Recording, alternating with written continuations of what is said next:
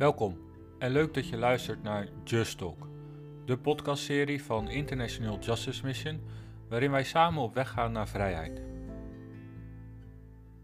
Vandaag is het Goede Vrijdag en neem ik je mee naar de straten van een van de miljoenen steden van Zuid-Azië. Ik was daar voor mijn werk bij International Justice Mission en ik maakte van dichtbij mee hoe minderjarige meisjes bevrijd werden uit bordelen, waar ze dagelijks misbruikt en verkracht werden.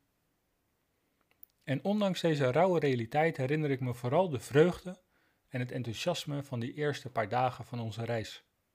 Het is onbeschrijfelijk mooi om te dansen en te spelen met meisjes, sommige slechts acht jaar oud, die weer konden opgroeien in vrijheid.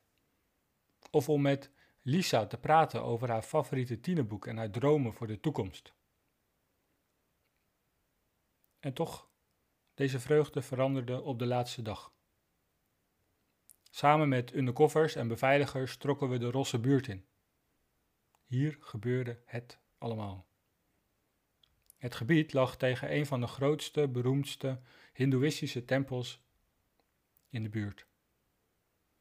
Bezoekers konden zich, naast het brengen van offers en gebeden, ook beschermen tegen de woede van de goden door seks te hebben met minderjarige meisjes. Tempelprostitutie. En hoe jonger de meisjes, hoe sterker de bescherming. Met de stroom van mensen liet ik mij meevoeren door de tempel.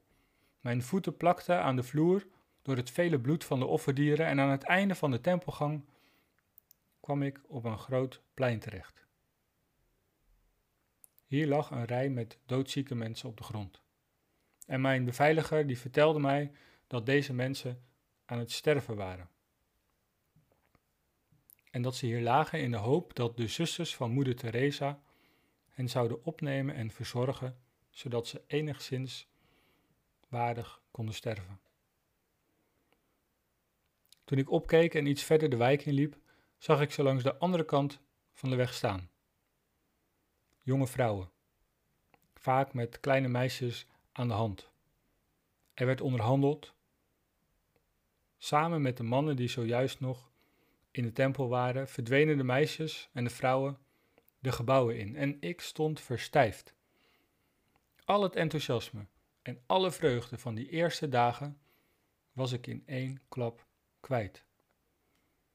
Kijk, het is niet moeilijk om God te herkennen in een bevrijding of in een liefdevol nazorgprogramma. En je ziet hem al snel in een dansend meisje dat eindelijk weer vrij is. Maar waar was hij nu? Ik zag hem niet. Ik voelde hem niet. En ik herkende hem niet. Verward en boos begon ik terug te lopen, totdat ik omhoog keek en bovenop een groot wit gebouw dat tegen de tempel aanstond, deze woorden zag staan. I thirst. Te midden van het palet van al die duizenden goden die werden gevreesd en voorzien van eten, drinken en andere geschenken, waren daar opeens de woorden van Jezus. Ik heb dorst. En opeens was het me duidelijk. Kijk, je hebt goden, mensen ook trouwens, die vragen. En je hebt goden die geven. Ze geven zoveel dat ze er dorst van krijgen. Waar was hij? Hij was overal. Ik zag hem in de mensen die lagen te sterven op de grond. Over mijn schouder terugkijkend zag ik hem onderhandelen met een nieuwe klant. Hij was het kleine meisje dat daar stond. Ik keek weer omhoog. Nog nooit zijn woorden zo binnengekomen als deze drie. Ik heb dorst. De Almachtige God, de Schepper van het universum, hij heeft dorst. Hij vraagt niet, hij geeft. Hij komt tot ons in de schoonheid en de onschuld van een kind, om ons iets te leren over een koninkrijk van vrede, vreugde en gerechtigheid. Maar hij wordt misbruikt. Hij verschijnt in ieder mens als beelddrager van God, maar hij ligt te sterven op de straat. Leeg gegeven.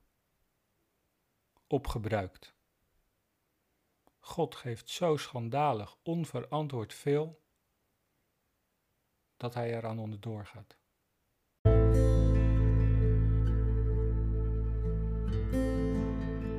Bedankt voor het luisteren. Wil je niets missen? Abonneer je dan op deze podcast. Wil je meer weten over International Justice Mission? Ga dan naar www.igmnl.org.